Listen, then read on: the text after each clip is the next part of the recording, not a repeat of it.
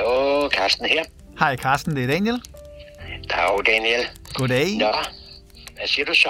Så er det jo ved at være tid til, at vi byder velkommen til fjerde sæson, afsnit 7 af Daniels Jul. Og det er altså smagekasse afsnit nummer 2, Carsten. Goddag, Daniel. Hej så. Og nu sidder vi her igen. Og vi skal jo smage tre lidt andre øl i dag. Men lad os lige skubbe ølene et lille skud til siden. Og så lad mig høre, Carsten. Nu er det ikke så længe siden, vi snakkede sidst. Men tror du, at vi snart begynder at se mod lidt lysere tider? Ja, det vil jeg da bestemt håbe. Uh, det drøjer nok lidt med at få åbnet restauranter og værtshuse og dejlige ølbarer. Jeg synes, ah, jeg, må synes, jeg synes, hvis jeg skal være lidt kritisk, at regeringen er lidt, et, lidt langt i spyttet, som det siger. Og øh, det er lidt uheldigt, at man øh, ikke får lidt bedre beskeder. Jeg ved godt, at smittetrykket og det her, men at det er svært at disponere over øh, en sådan, en sådan øh, lys, ly, lyssæson, som nu venter forud, og alle de herlige festivaler. Men jeg håber, at man kan få lov til at åbne udendørs, og jeg kan da mærke, at der er mange mennesker, de her syge efter at komme sammen. Ja, og jeg, jeg er fuldstændig enig. Jeg synes også, det kunne da være rart, hvis vi bare fik... Altså, jeg ved, at i England, de har lagt, lavet en langsigtet plan, så vi havde noget at skue frem mod, så vi vidste, okay, den her, den her dato, der kommer til at ske lidt mere, så man hele tiden havde sådan en lille, en lille fikspunkt måske, og noget at fejre os. Ja, til psykologisk set er det ikke så smart ikke at melde noget ud, fordi vi bliver meget øh, triste i mailet og, og lange, lange i ansigtet. Og det gør man, hvis alting er udsigtsløs. Ja. Hvis man giver folk en horisont, så er det meget, meget bedre, meget sundere. Altså for folkeligt og øh, hvad hedder sådan noget, mentalitetsmæssigt set. Ja. Det vil jeg sige. Ja, jeg, jeg er helt enig, og derfor så tænker jeg også, så skal vi prøve at se, om vi to kan, kan skabe lidt, øh, lidt lysere stemning, og også lidt kærlighedsstemning, Carsten, fordi jeg er lidt nysgerrig på noget, jeg har læst øh, på din side, men det vender vi på din hjemmeside, men det vender vi tilbage til, for jeg synes lige, at vi skal til at dykke ned i øllet, og jeg ved ikke, om du har lyst til at præsentere den første? Jo, lad os tage den første, fordi det er man jo nødt til. Man er nødt til at tage en rækkefølge. Ja. Jamen, øh, skal vi tage ud til Nordvestkvarteret i København? Jeg ved ikke, hvor kendt du er med Nordvestkvarteret. Åh, oh, det, det, det går. Omkring den gade, der hedder Lygten. Ja. Og så er vi meget tæt på, på Nørrebro station. Og der ligger faktisk en del værtshus derude, og en del udmærkede bryghuse. Der ligger Flying Couch, og øhm, det er nogle meget rare mennesker, der er der. De har en fredagsbar. Det har de så ikke lige for tiden her. Og der herver en flink mand, der hedder Peter Sonne.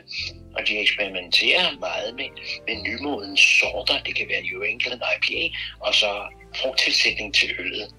Og her er det så ikke alene med uh, hindbær, men også med yuzu.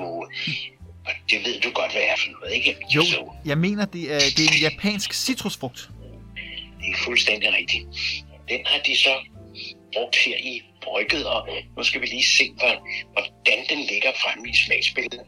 Ja. Jamen, jeg har åbnet min dåse her, for det er jo en dåsebajer, og det der er med, med de moderne bryghuse, det er jo, at de selvfølgelig sætter øllet på flaske en gang imellem, men mest og mest populært er det i dåse. Ja, og vi skal jo drikke en øl, som du har sagt, fra Flying Couch, og den hedder Double Yuzu Raspberry, og den er på 8 procent. Ja. Så når man hælder den i glasset, så står den fint der, meget smuk farve. Pragtfuld karbonering kan jeg se. Og der er tydelig frugt i næsen. Det skal jeg love for. Det må man sige. En blanding af citrus og det her vidunderlige hindbær. Og hindbær er jeg meget glad for. Også en forskellig surgæreøl, som framboise, som det hedder, i den fransktalende del af Belgien. Nå, skal vi smage? Ja, Carsten. Skål! Skål, skål. Skål, Daniel. Skål. Og det her, det er jo rigtig interessant. Fordi at, øhm, nu havde vi jo i den første smagning i den her virtuelle smagekasse, der havde vi fat i tre IPA'er. Og nu har vi altså fat i en helt anden øltype, Carsten. Det må man nok sige. Det er der, hvor vi gærer med frugt. Det kan vi gøre, eller tilsætte frugtsaft. Og hvad hedder sådan en type øl? Der er vel ikke andet for ikke, at kalde den en krydderøl, som man kaldte det i de gode gamle dage. Altså der, hvor man spidser øllet til med krydderier, der er øllet fremmed. Og krydderi, der er øllet fremme, ja, det er jo først og fremmest, øh, det er jo først og fremmest altså frugt som her. Ja. Det brugte man jo aldrig i gamle dage, men mindre, ja, når man var bange for, at øllet blev surt i fadene, så kunne man hælde krydderier på. Og det er jo egentlig oprindelsen til, til julebrygget. Det er der, hvor man tog lidt af de gode ting fra krydderhylden og tilsatte øllet for.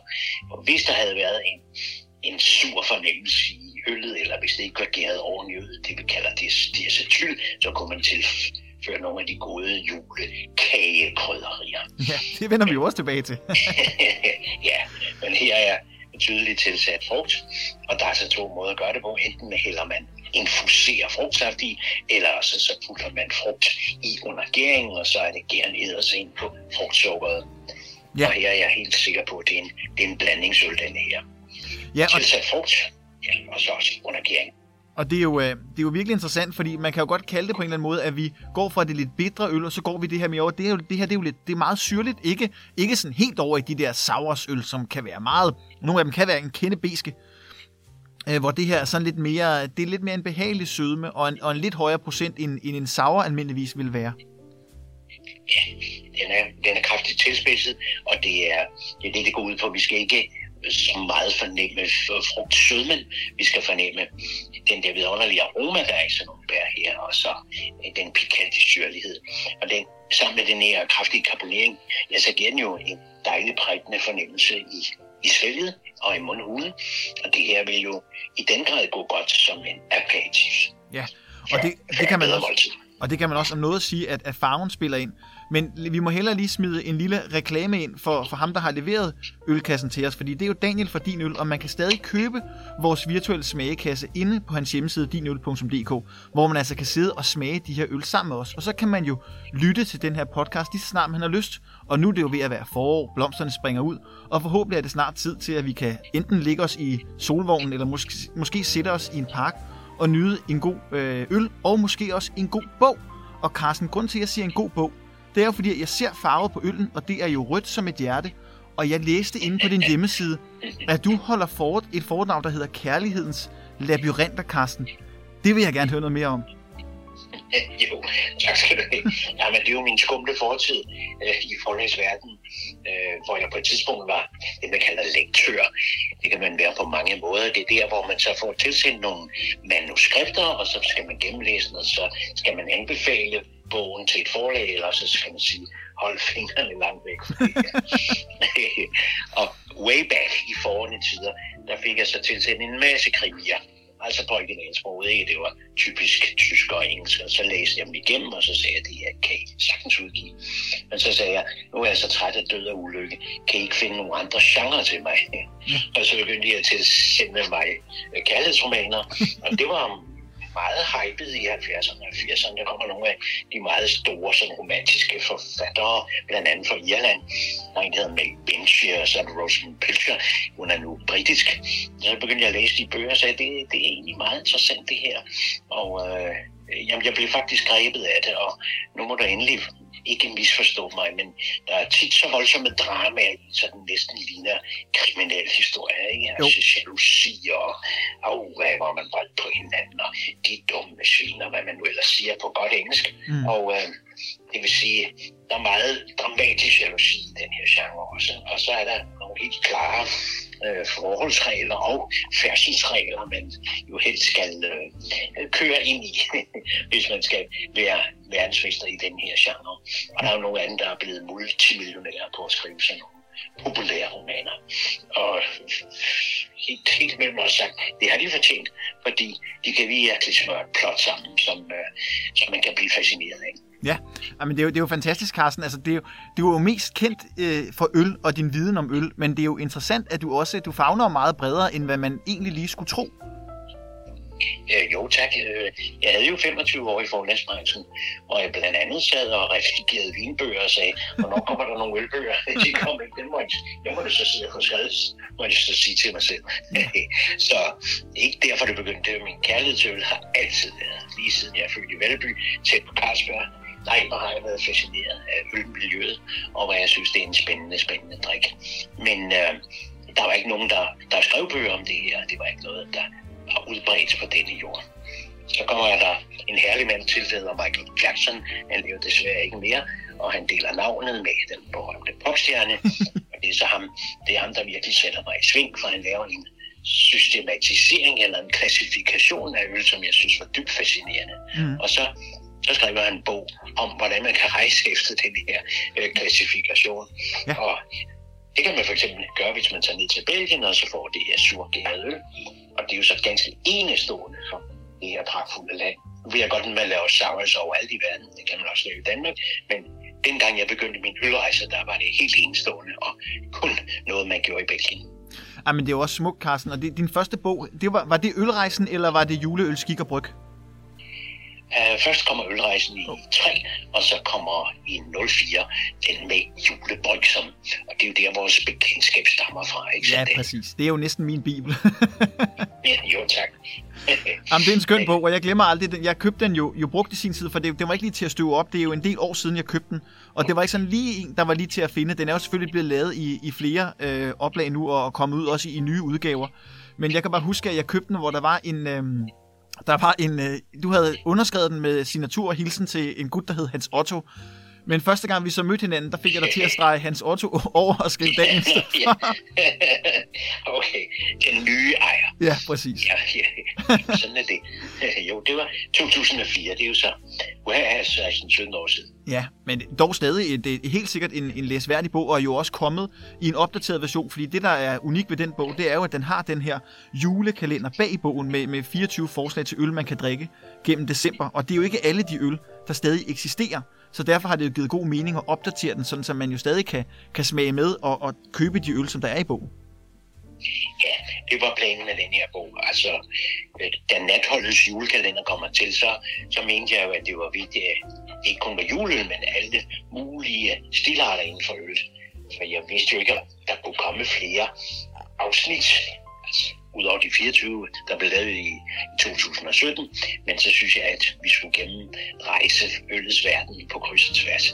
Så altså, de, de bøger, jeg har skrevet om juleøl, om man er kun vinter eller juleøl. Ja, og det er, det er nogle skønne bøger. Der er jo kommet et par stykker. Jeg mener ikke kun om juleøl, men du har udgivet, er, det ikke, er vi ikke oppe på hver at være 10? 10 bøger om øl? Det er 10 bøger om øl, ja. ja. det er stærkt. Øh, blandt andet blandt andet ølrejser til Prag og til dejlige Berlin, altså byer, som jeg holder meget af. Og, og så selvfølgelig, ja, øh, selvfølgelig der, hvor jeg har opdaget, opdateret de andre bøger, og så har jeg lavet en grundbog om, hvad øl er, og noget, der hedder Øl for en virksomhed. Ja, og, og så, og så er du også stadig, jeg ved ikke, hvor aktiv du er i det mere, men du popper jo stadig op på DK4 en gang imellem. Og der sker vel også stadig en gang imellem noget på DK4 øh, med øl og dig? Ja, øh, det de nu gør, det er, at de kører ind i stadig rotation, der hedder 50 øl, du skal smage, før du dør, og to udsendelser, der omhandler, hvad er klosterøl for noget. Mm. Og de, de kører sådan i to rotation, heavy rotation. Øh, men hvis jeg spurgte mig, om jeg ikke vil lave en ny afsnit til, til 50 øl, du skal smage, før du dør, det vil jeg frygtelig gerne.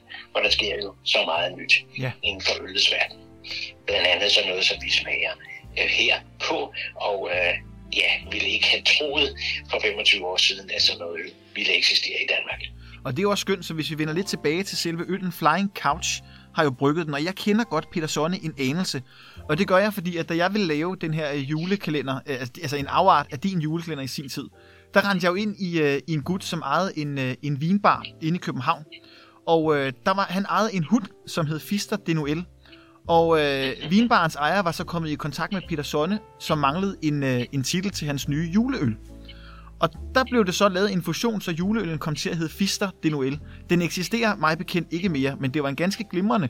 Øh, jeg mener, det var en Imperial Stout. Øh, en, en virkelig en juleøl med, med skrald på. Ja, rigtigt. Den var faktisk ret fremragende, og blandt nerds, så er det sådan en, hvis man får fat i sådan en flaske, så kan man få en ganske god pris for den. Ja. Ja, ja. men Peter øh, slog sine folder blandt andet op øh, på Halsnæs ja. Bryghus op i Hundsted, og blev ret skrab til at brygge det oppe. Havde en periode med Nørrebro Bryghus og lavede så sit eget label. Ja, og det label har jo også udviklet sig lidt. Det er blevet meget eksperimenterende, er det ikke det? Jo, det må man sige. Altså, de har været dygtige og øh, har fingeren på pulsen efter hvad det, hvad det er, der, der hersker indenfor. Og sådan den moderne ølverden. Men de har også et selvbindende firma, altså de laver også en smule mainstream, men ikke så meget. De prøver hele tiden at, at presse folks grænser for, hvad, hvad øl er for noget. Det ja. synes jeg er spændende.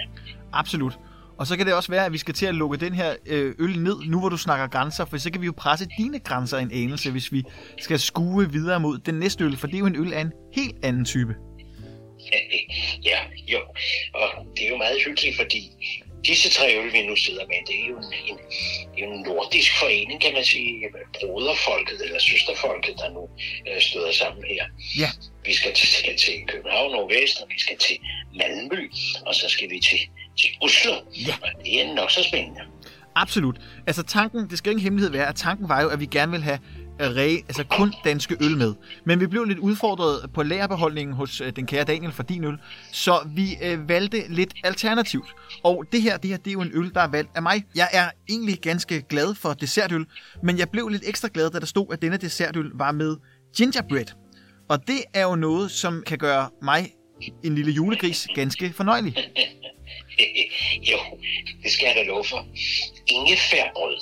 Ja. Det har du et kærligt forhold til, Daniel. Ja, altså man kan sige, det er vel i virkeligheden en afart af, af det, der hedder øh, brunkager, eller sådan derhen af. Vi skal have pebernød brunkage segmentet, så er vi ved at være hen af det, der er tættest på gingerbread. Ja, men det er rigtigt. Og det er stærkt yndet i Storbritannien, hvor man ikke kan jul uden gingerbread. Det kan ikke lade Præcis. Og den øl, vi skal smage, det er jo en, øh, en øl fra det norske bryggeri Amundsen. Og så er det jo noget så særpræget som en pastry stout. Og Carsten, hvad, hvad er dit forhold til lige præcis den her type øl? nu begynder jeg straks at grine og grine og, øh, og, og frode lidt i skægget, selvom jeg ikke har noget skæg.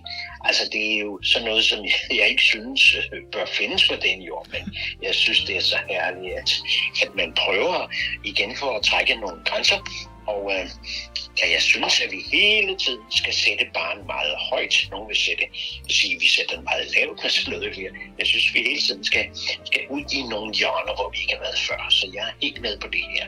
Og jeg glæder mig til at smage den. Og jeg smager den uden fordom. Det kan jeg roligt sige, for jeg har aldrig smagt den før. Så, så nu knækker jeg den op. Ja. Og det lyder jo altid festligt, når man gør det. Og det er igen en dåse øl. Ja. Og den hedder dessert in a can, og så er det så med smag af gingerbread og cream brulee.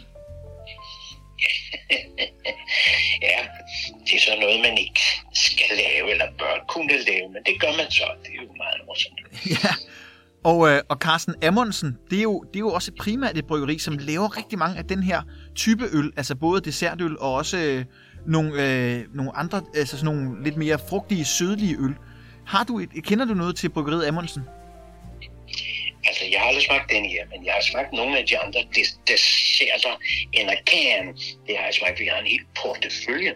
Det er faktisk en helt utrolig portefølje af desserter på dåse. Mm. Og det må jo altså være noget øl, der har en rimelig afsætning. Og det synes jeg er morsomt, og jeg synes, det er morsomt, at vi i Norden har, har sat sig på det område. Vi kender det svenske, ja, det stockholmske bryghus Omnipollo, mm-hmm. Og øh, de laver sådan nogle sødladende kageøl som det her. Og øh, I var interessant. Og nu får jeg den altså op i næsen. Der er ikke så meget til fejl i det her. er ikke øl, men kage. og, så hvis du snuser op her, du behøver ikke snuse særlig kraftigt, fordi aromaen er meget, meget tydelig. Ja, absolut. Det er, det er ren kage, man får op i næsen. Den, er jo også, den holder jo øh, meget, meget fornemt med 10,5 procent. Ja, så jeg forventer ud over den her sødme, som bør være i sådan en øl, så forventer jeg også en kraftig vinositet. Så nu skal jeg altså smage den. Ja. Skål, Carsten. Er med på det? Skål, Daniel. Cheers. Cheers.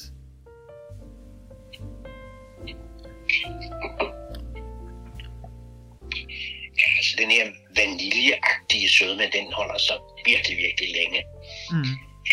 Anslaget er ganske fint, synes jeg.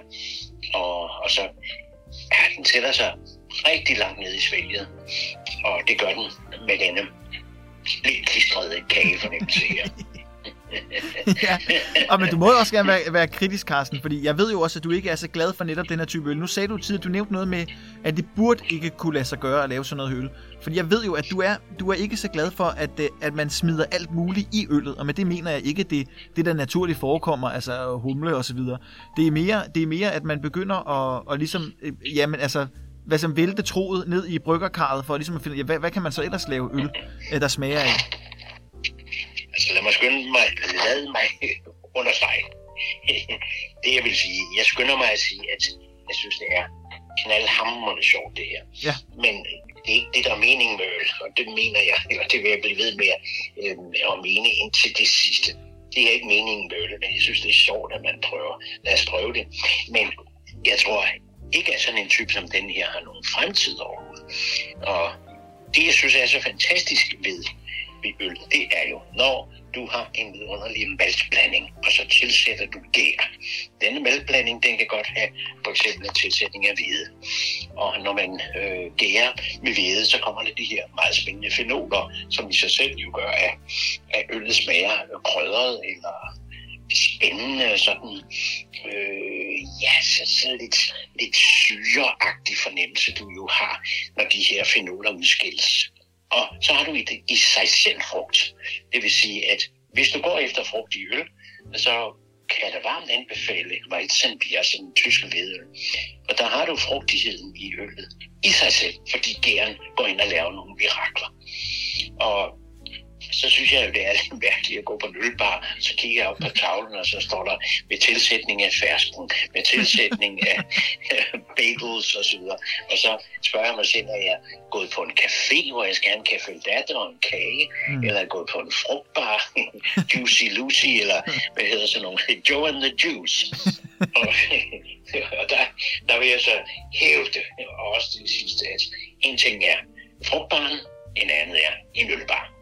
Ja, og jeg, øh, altså jeg faktisk, lige præcis med den her, der synes jeg også, den, den kan godt noget i forhold til, at det skal være sådan en rigtig nydesøl. Det skal være sådan en, det, det skal næsten være en happening, når man serverer den, fordi jeg tror ikke, folk der, folk, der ikke har stiftet bekendtskab med den her type øl før, kan godt blive meget overrasket og meget imponeret. Men jeg, har også, jeg er meget enig med dig, jeg tror også, den måske har en udløbsdato. Det er ikke ligesom, hvis man knapper en Rochefort nummer 10 op, som vi gjorde i, i nummer 2 afsnit, for det er sådan en, man vender tilbage til. Og øh, jeg vil nok sige, at den her kræver en ganske særlig lejlighed, ikke sådan, Daniel? Altså, øh, altså, det er sådan noget, ja, jeg vil bruge den her, som, som du selv siger, det er glimrende. Det er en happening over for mine venner. Ja. Se her, hvor langt ud man kan komme med begrebet øl. ja. jo. Det synes jeg er sjovt jeg synes, det er vældig, vældig sjovt, men det er jo aldrig noget, jeg vil vende tilbage til, Daniel. Aldrig. Nej, og det, var, og det er lige præcis det, jeg mener. Så skal det mere være, fordi man vil løbe hele repertoireet igennem og se, nok kan man også lave en, øh, en øl med popcorn og, øh, og skumfiduser. Jamen, så, så har jeg prøvet det. Øh, så kan jeg altid vende tilbage og sige, jamen, den har jeg prøvet, men jeg vil hellere have en, en anden. du vil hellere prøve noget andet. Ja. Altså, der er jo nogle breakfast stouts, så de, de tager det dybt alvorligt, så der er altså øh, røget malt, som kan give mindelser om bacon, ikke? Og, og øh, noget, der kan minde om den tomatsauce, som man, øh, man har de her skønne bønner i bacon beans, ikke? Mm. Så får du altså en breakfast stout, og så, så får du altså noget, der i ordets egentlig, egentlig forstand er en breakfast stout, ikke? Altså som en, en full English breakfast. Ja. Og jeg bryder mig egentlig, jeg kan faktisk godt, jeg kan godt lide øllen, jeg har dog svært ved at finde, jeg har svært ved at finde den her gingerbread smag, det må jeg ærligt indrømme, det, det er primært, det er chokolade, det er høj sødme, det er vanilje. Jeg kan ikke lige finde det der ingefær-knæk, som skulle gøre, at vi, vi leder tankerne hen på, på julesmåkager. Ikke sådan lige umiddelbart. Nej, øh, du skal betragte det som en sødet stout. Ja. Og du vil se, at netop begrebet det der med pastry stout, det er jo fordi, at den der vidunderlige krydrede fornemmelse, der er i en regulær stout. Og de der sorte malte er meget modtagelige over for andres smagsindtryk. Og når du gærer det ud, og så tilsætter de her frugtsafter, eller hvad du nu gør til sidst, ja, så står de meget, meget tydelige smagsbilleder. Og nu kan du sige, at den er lidt forvrænget her, men hvis du bruger yderligere sødestof, så er det meget, meget tydeligt, hvad det er, du har tilsat. Ja. Jamen, det er jo også øhm, det er jo super interessant. Og, og sødestof generelt, og søde ting, Carsten, så, så er jeg ved at være over i det, hvor vi skal vende vores blik lidt mod julen igen. Og vi har faktisk været lidt inde på det her emne før, fordi noget, der forsøder juletiden, det er jo de kære, gamle og nye julefilm. Og vi har jo vendt dem lidt før, fordi det er jo vir- i virkeligheden er julefilmen som, som tradition noget, vi har for Hollywood. Og en af de første julefilm, der sådan man kender af moderne, nu skal jeg passe på, hvad jeg siger, fordi den er sort-hvid og, øh, og ikke så ny, den stammer fra 1946, og det er en af de film, jeg ved, at du har et, et særligt kært forhold til, Carsten. Det må være It's a Wonderful Life, ikke sandt? Præcis. jo, den holder jeg meget af, og den insisterer jeg på, måske ikke at se hver år, men så hver anden år da, med James Stewart. Og, og den søde, søde pige, hvis navn jeg ikke lige kan komme på, men det er en gribende film. Det er lige præcis, Carsten. Kan du huske, hvad det er, der, der sker i filmen? Ja, det er jo altså en slags engel, som ikke har fået sine vinger, og øh, det går så ud på, at han frygtelig gerne er skæbnen, eller hvor herre meget, meget gerne vil have disse vinger, men så skal han sørge også gøre sig fortjent til det. Og selve den moral er jo vidunderlig. Du er nødt til at opnå din skæbne. Du bør gøre noget for at få en god skæbne. Og så er det, han skal fortælle et meget, meget sødt og dejligt menneske på den jord, at du er uundværlig i det samfund, som du har været med til at bygge op, og det har han jo, vores kære hovedperson. Øh, de kan ikke undvære dig, og de vil ikke undvære dig, for hvis de havde undværet dig, ja, så var det gået rent galt i denne lille small will, eller hvad den nu hedder byen. Ja. Du er uundværlig, og det er jo fuldstændig vidunderlige meddelelse, og det bør vi tage, tage med os alle sammen, at vi er uundværlige i vores lokalsamfund, i vores ægteskab eller i vores kammerat, kammeratskabskreds. Ja. Og nu bliver jeg meget højtidlig, fordi øh, man kan virkelig i dette år sige til sig selv, hold kæft, hvor jeg savner mine jyske venner, som jeg ikke har set, og fynske venner, og hvor jeg nu end bor hen. Så det er en dejlig julefilm. Ja, det er det absolut. Moral, morale, som er skøn. Ja, og det er faktisk den, der kickstarter hele det her julefilms øh, ja, maraton, som, som egentlig kører år efter år. Der er jo deciderede tv-kanaler i USA, som producerer, som spytter øh, julefilm ud, som var de perler øh, på en snor.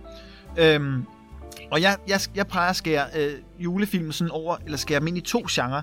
Der er den, som, hvor omdrejningspunktet er jul, og så er der dem, der foregår ved juletid. Og hvis jeg skal klassificere, så kan man sige, dem, der har julen som omdrejningspunkt, her snakker vi Fars fede juleferie, Elf, It's a Wonderful Life og Miracle on uh, uh, 54th Street.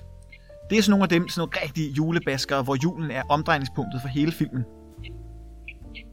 Ja, men det, der er genialt ved den film, det er, at den udspiller sig dels over mange år, men også i alle årstider. Du Ja. har sommer, og du har efterår, du har vinter, og, og så har du altså foråret, det lysende og pragtfulde forår. Og den tager det hele med, ikke? Fordi øh, hvis lyset ikke kommer tilbage, har vi ikke noget forår, og så videre, så videre. Og den sidste sekvens der, hvor den søde lille pige sidder og kigger op på træet. Nu kan jeg høre, at en engel har fået sine vinger. Mm. Wow, og vi er på vej tilbage til lyset. Og det er jo sådan en gammel tudefrans som mig. Det, det kan jeg altså godt lide. Åh ja, Carsten, der rammer vi et blødt punkt, fordi det er jo som om alvor også noget, jeg har lært efter jeg har fået børn. Så er det som om, at, at mine tårerkanaler er blevet lidt mere følsomme, når jeg ser den slags film. det kan jeg godt forstå, fordi det er for softies, det der, ikke? Jo, og hvis vi så går over i den fuldstændig anden boldgade og siger, julefilm, som det er sådan den evige diskussion, hvorvidt en julefilm er en julefilm, øh, hvis den bare foregår ved juletid. Og jeg ved, i, i USA, der er der en stor diskussion om, hvorvidt Die Hard nummer 1, den med Bruce Willis, er en julefilm. Men den foregår jo ved juletid, og det samme gør sig egentlig gældende ved den, der hedder Trading Places. På dansk mener jeg, det er Bossen og Bumsen. Og så Batman 2, Batman Returns, altså den første serie af Batman, den fra 1992. Ja, stærkt, stærkt, stærkt. Jo, men altså, hvis vi lige er inde over julen og hele det, det frygtelige drama, som det er, ikke at kunne komme hjem til jul, fordi man er forhindret i trafikken eller sådan noget. Jamen, det, er en, en udbredt øh, intrige i amerikanske film. Ja. Og det er lige så slemt i USA, hvis du ikke kan komme hjem til Thanksgiving. En redsel. Oh ja, og det, det findes der også en film om, Carsten. Den ved jeg ikke, om du har set. Den er jo med den gode, øh, desværre afdøde John Candy, og, og hvem er nu den? Steve Martin er den anden. Den hedder, Ja, den er, meget morsom. Ja, den kender jeg. Den kender, om den er så skøn. Det er Planes, Trains and Automobiles. Det er virkelig, øh, det er ikke rigtig en julefilm. Det er mere en Thanksgiving-film, men der er sne, og den læner, Thanksgiving læner sig jo op af julen som højtid. Så det er i hvert fald også en film, jeg varmt vil anbefale. Jamen, det er jeg med på. Og du som kender alt til It's a Wonderful Life, du, du ved sikkert, at film nummer to i den pragtfulde serie, der hedder Tilbage til fremtiden, ja. den, den leger jo netop med det der, at hvis du ikke havde været der på denne jord, så så alt ud af helvede. Ja, lige præcis, ja. og det er en vidunderlig pointe i de der dejlige tre film. Jeg synes, de er så morsomme. En trilogi er tilbage ja. til fremtiden. Det er måske en af de mest... spændende manuskript. Det er måske en af de mest øh, altså fuldendte trilogier, der findes. Ja, fordi den er så komplekse i sine kompositioner. Alle dele hænger sammen på en mest genial måde. Ligesom den gør i It's a Wonderful Life. Ja, og man kan sige, der er vel også mange, altså i dag har vi det vel også sådan, at, at der er rigtig mange julefilm, i hvert fald hvis vi kigger ned på dem som, som tv-kanaler, bare øh, øh genudsender og, og, og spytter ud. Altså de producerer virkelig mange. Øhm, så er der vel mange, der er skåret over de her historier med, den her historie med, hvis du ikke var der, vil, hvad ville der så være sket? Og så den anden klassiker, altså den her med A Christmas Carol, den hvor man får besøg af, af de tre juleånder, julenat. Ja, og så en gammel gnavpot, der ikke, ikke gider give en øre ud på noget som helst. Ikke? Han ja. bliver så belært om, hvad det hele går ud på, ikke? i stedet for at penge sammen den gamle nar. jo. det er også en vidunderlig pointe. Ja, og det vil måske også være noget af det, den her øl kunne du lidt til, tænker jeg. Altså sådan, hvis man sætter sig ned, du ved, i den varme stol, og måske lige skal se en julefilm. Det er sent på aftenen, vi sidder en december nat, det er frostgrader, så kan det godt være, at den her øl måske alligevel kan finde sit indpas i sådan en situation. Jeg er helt med, for det her er en hyggefrans, ikke? Jo. Og det er det jo.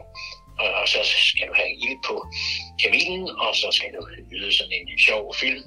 Og øh, det er jo det med de der skønne øh, julefilmer, det mener jeg virkelig, det er, at øh, nok er det underholdning, men der er altid, øh, der er altid noget at tage med hjem, som det hedder så smukt. Ja.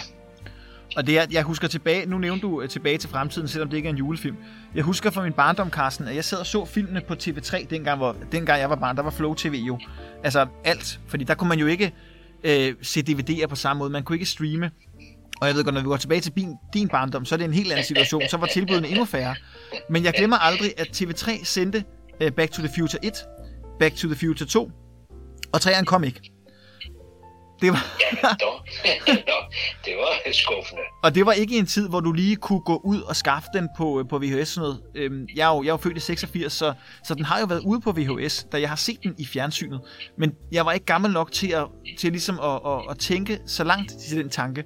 Så derfor så var jeg meget skuffet dengang, hvor jeg ikke ligesom fik konklusionen. Den har jeg jo så heldigvis fået sidenhen. Ja, og den pointe er, er meget væsentlig, hvor vi så går helt tilbage til 1880'erne jo. og The Wild West. Vi skal have den med. Jamen, det skal vi. Det er der ingen tvivl om. Men Carsten, så er det vel også måske ved at være tid til, at vi skal kigge lidt videre i, øh, i ølbunken, øh, så vi er, at vi nærmer os jo en slutning. Men skal vi ikke sige nogle afsluttende ord om den her Amundsen øl, den her dessert in a can? Hvis du nogensinde kunne overveje at drikke den igen, hvad for et scenarie ser du så for dig? Jamen, nu kan det godt være, at jeg gentager mig selv, men det skal netop være sådan med, med, med bløde sutter inden foran kaminen. Sådan en har jeg desværre ikke, men, men det der kan ligne, og, og så skal jeg så sidde og se en eller anden rigtig, rigtig dårlig trivefilm, ikke?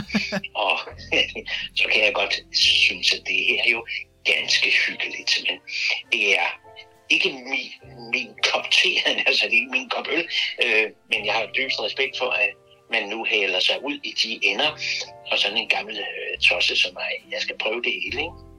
Jo. Det får jeg lov til her.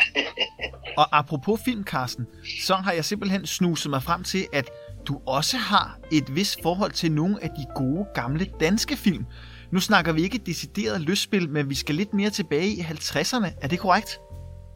Det er fuldstændig rigtigt. Jeg har jo skrevet en bog om øh, Morten Korn, og hvor jeg mener, at han var en mand, der blev meget, meget misforstået af den der elite, der bestemte alt om den gode smag. Og Carsten, det synes jeg, at vi skal vinde øh, til den næste øl. Så skal vi øh, tømme glasset og sige skål i øh, denne dessertøl, og så vende næsen mod en øl med en endnu højere procent. Jeg skal det, så vil jeg sige skål. Nå nej, det skulle være norsk, men norsk til. Øh, skål til vores norske venner. Skål! Skål.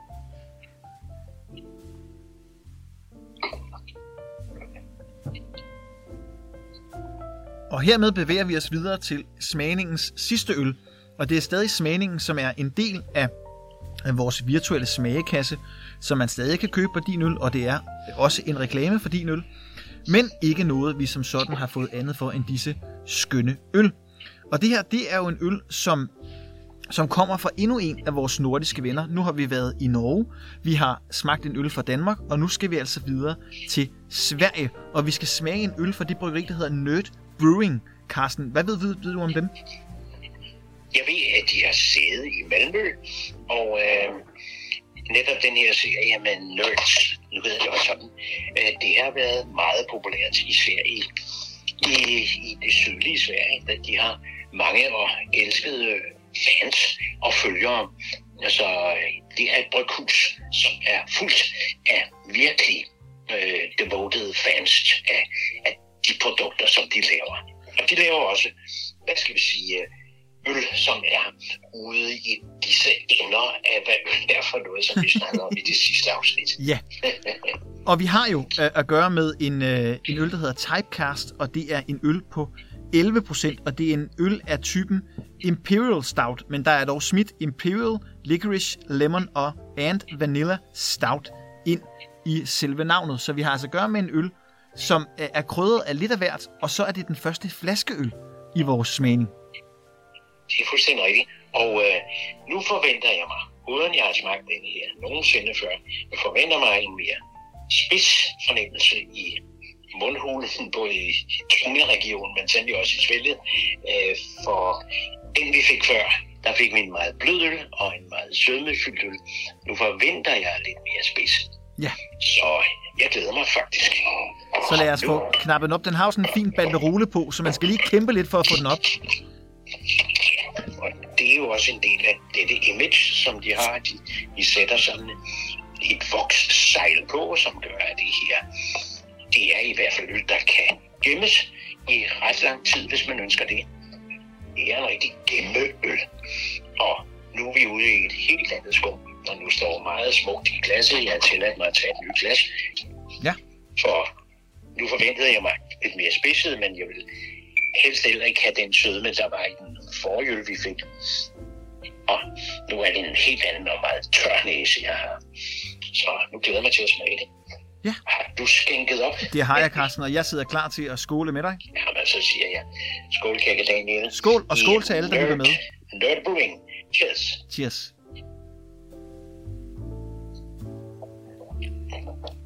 Og hvad siger du så, Carsten? jeg griner, og jeg synes, den er virkelig skæg. Det er en skægøl.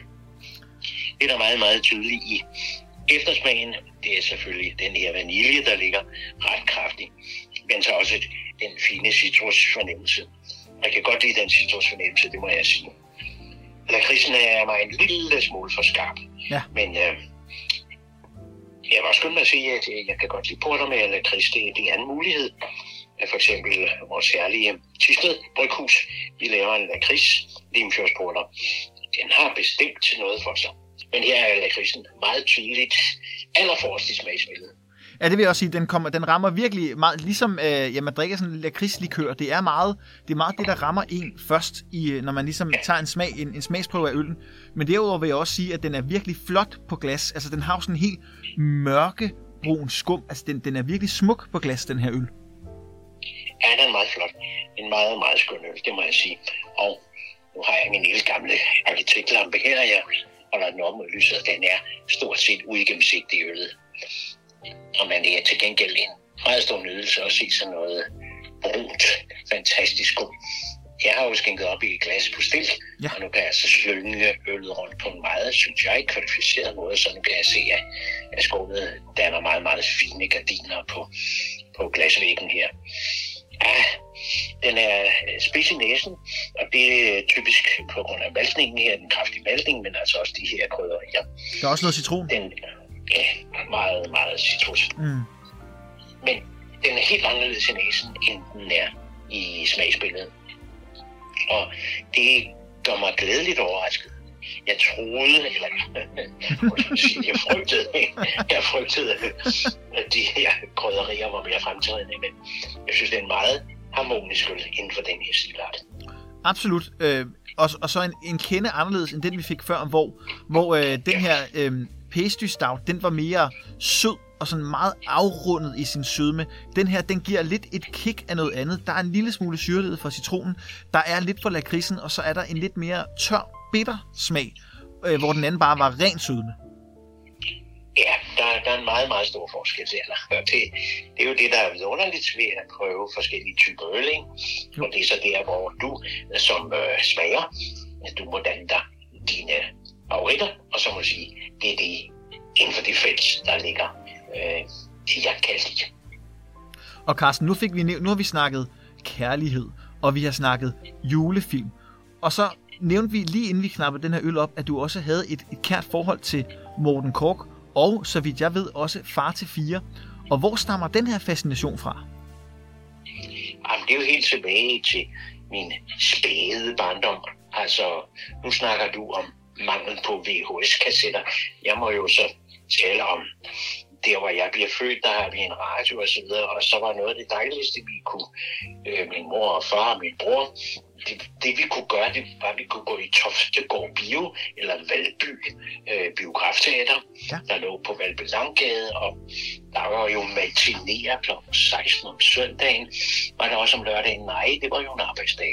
Så det var kl. 16 om søndagen, og så var der altså en forestilling kl. 7 eller kl. 9.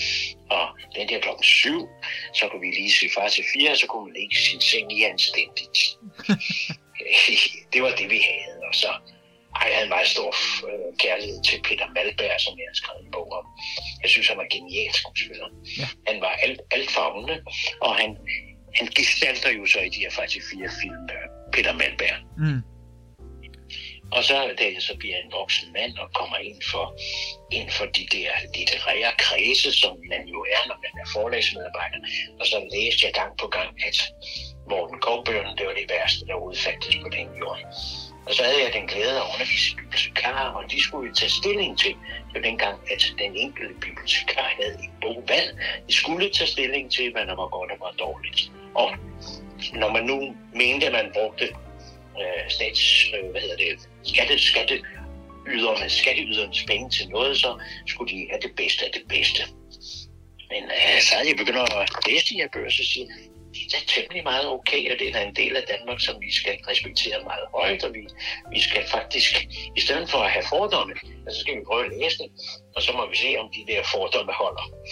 Og der vil jeg bare sige i forbindelse med Morten Gård, at der var nogle af de bøger, de holdt virkelig, fordi de fortalte øh, en vis øh, socialgruppes skæbne om, hvordan det nu kan gå i det her danske land. Og hvis vi holder fast på det, vi elsker at holde af, så skal det nok gå og, og i sidste afsnit snakkede vi om It's a Wonderful Life, den underlige film af Frank Capra, øh, hvor det drejer sig om, at individet er meget, meget betydningsfuldt. Og hvis det individ ikke fandtes, så var det der enkelte, øh, den enkelte landsby, eller hvad det nu er, så var det et trist sted at være. Og det er jo sådan set den samme, øh, den samme filosofi, der er hos Morten Korn. Ja, og her er vi, her er vi ved under... Det, det, er vel, det er vel tilbage i 50'erne, er vi ikke det? Jo, det er vi lige præcis. Men altså, hans bøger kommer helt tilbage fra 1910'erne. Ja. Hans hovedværk, som hedder Det Gamle Guld, den stammer fra 1923, så vi er godt tilbage i tid. Øh, men filmatiseringerne, de finder først sted i 50'erne. Ja, og det er lige præcis det, fordi at det, er jo, det er jo super interessant, at du har et, et forhold til dem. Det, jeg, jeg tror, der er mange, jeg ved ikke, om, om der er så mange øh, unge i dag, men, men mange familier, der nok også har et forhold til far til fire film, og her tænker jeg ikke på de her øh, genindspilninger, der har været de sidste par år, nej, jeg tænker på dem tilbage fra 50'erne og 60'erne. Altså de gode, gamle øh, far til fire film, hvor Karl Stikker jo ind og er faren i, i øh, ikke i de første, men det, det kommer øh, på et senere tidspunkt, så vidt jeg husker. Ja, det var Ip Schønberg, der, der spillede far i de to første film, tror jeg, det er, eller er tre og så går han jo desværre hen og dør, og så må han jo erstattes af en anden øh, munter, lidt øh, svær person, undskyld, så håber jeg ikke, jeg har sagt noget.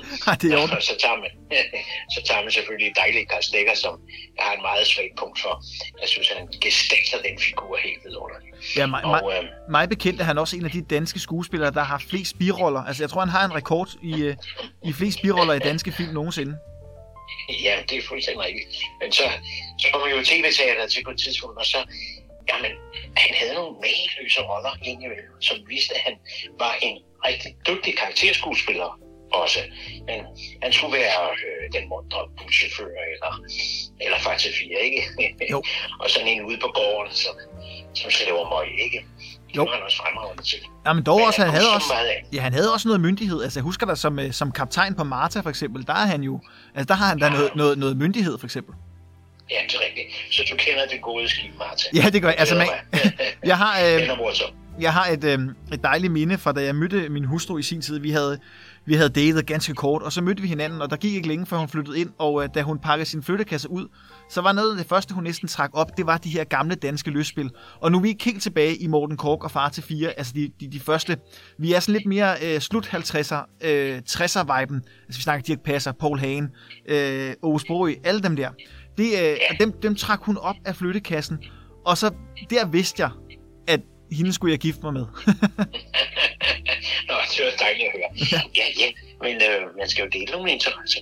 Ja. Og øh, når det er sådan nogle uskyldige skønne film som dem der, så vil jeg da også sige på knæ og anmod om hendes hånd. Ja, og det, var, det, det er blevet lidt vores go-to hygge-element. Nu har vi jo to små børn, og, og det er ikke altid, der lige er tid til så meget.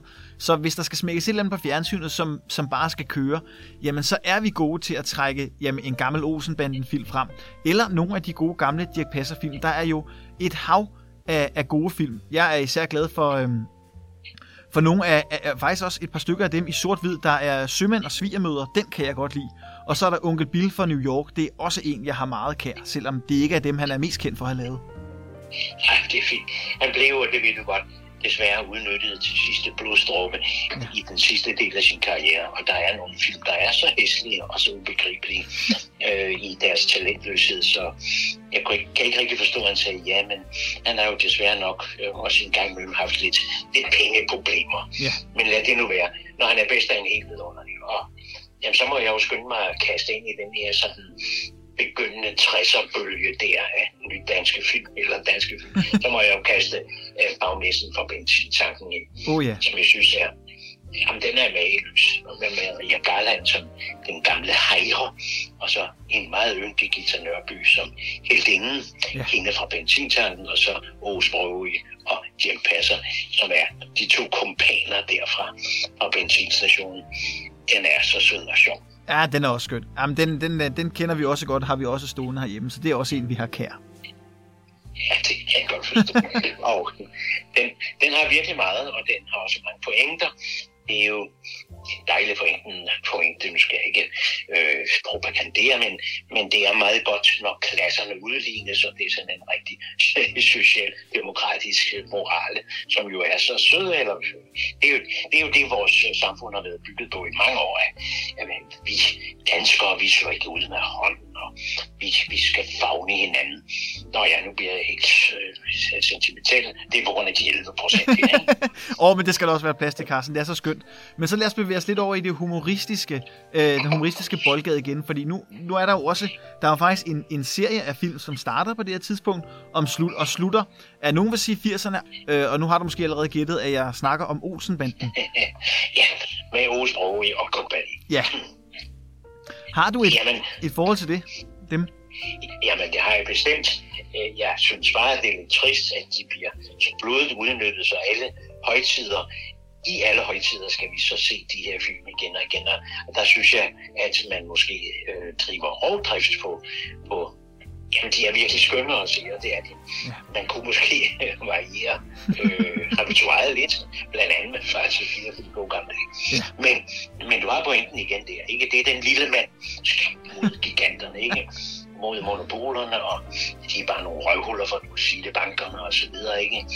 Altid gestaltet af øh, de her pæne mænd og deres pengemaskiner, og de har godt af at blive lænset, ikke sandt? Jo, det er rigtigt.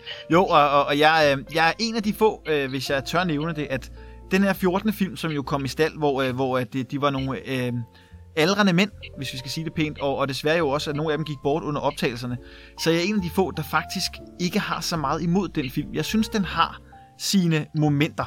Jeg ved godt, at mange øh, ønskede, at den ville være slut med, med, med den 13. film, men jeg synes egentlig godt, at det sidste stik, som den sidste Olsenbanden-film hed, jeg synes, den har et eller andet, som jeg godt kan lide. Og om ikke andet, så bare glæden ved at se øh, de gutter for sidste gang. Jamen, den kan sagtens altså gøre det. Det kan den.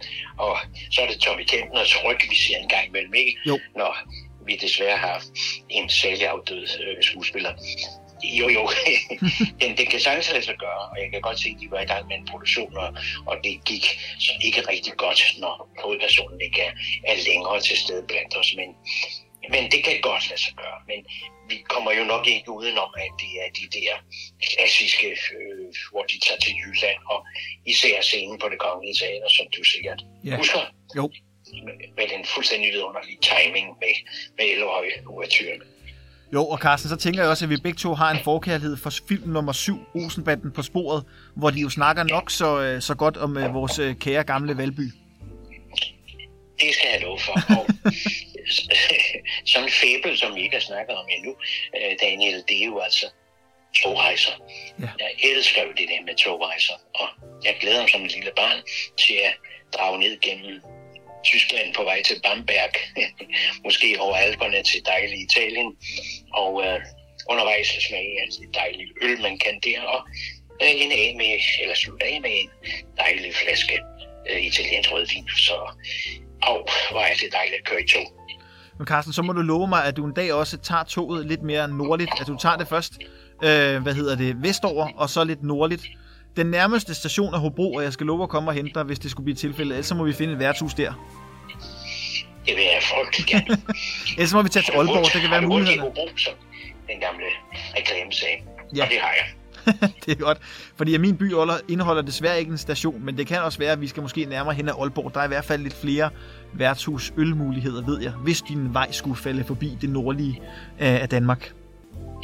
Ja, men jeg holder meget af hele mit skønne land. Og Aalborg er en dejlig by, og der ligger The Wharf blandt andet, og der ligger Søgaards øh, bryghus. Ja. Og der er mange glæder i Aalborg. men det er der overalt i vores skønne land. Ja, det er der absolut. Og det kan også være, at det er ved at være tid til, at vi skal sige, at øh, vi smager af for denne øh, meget citronede, meget øh, lakrids øh, smagende stout, og runder af for denne fantastiske smagning, Carsten. Det var så hyggeligt.